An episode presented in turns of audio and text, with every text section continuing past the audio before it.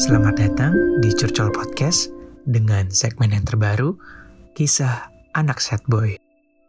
Halo semuanya, perkenalkan nama gue Edo, si anak sad boy dari kota Bekasi.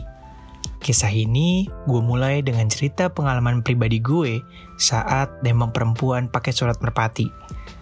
Pasti lo bingung kenapa namanya surat merpati. Jadi, waktu gue duduk di kelas 1 SMP, gue naksir sama salah satu perempuan yang sempurna banget. Kenapa sempurna?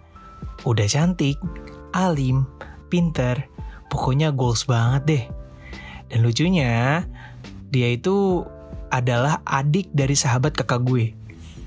Sebelum gue satu sekolah sama dia, sebenarnya ya gue udah kenal dan sempet ngobrol gitu deh sama dia. Bahkan gue tuh pernah diceng-cengin gitu sama kakak gue.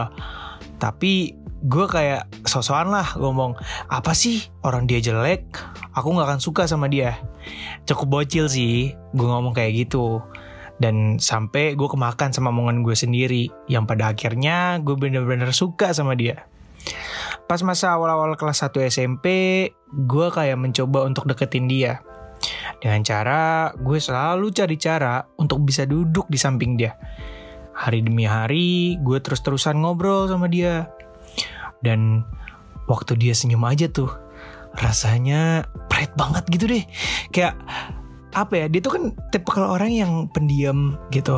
Dan dia tuh nggak banyak ngobrol dan kayak bener-bener introvert gitu deh.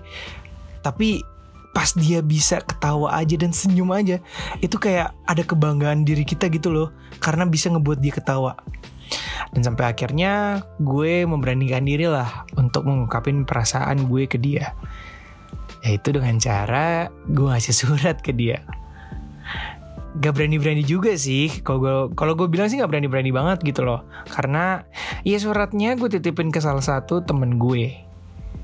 Jadi setelah gue pulang sekolah nih, gue titipin deh tuh ke temen gue. Yang mana nanti temen gue bakal ngasih ke dia. Jujur cukup cukup uh, ngeribetin orang ya gitu. Tapi ya udahlah, yang penting pede aja gitu kan. Dan setelah teman gue kasih ke dia, dia pun langsung jawab.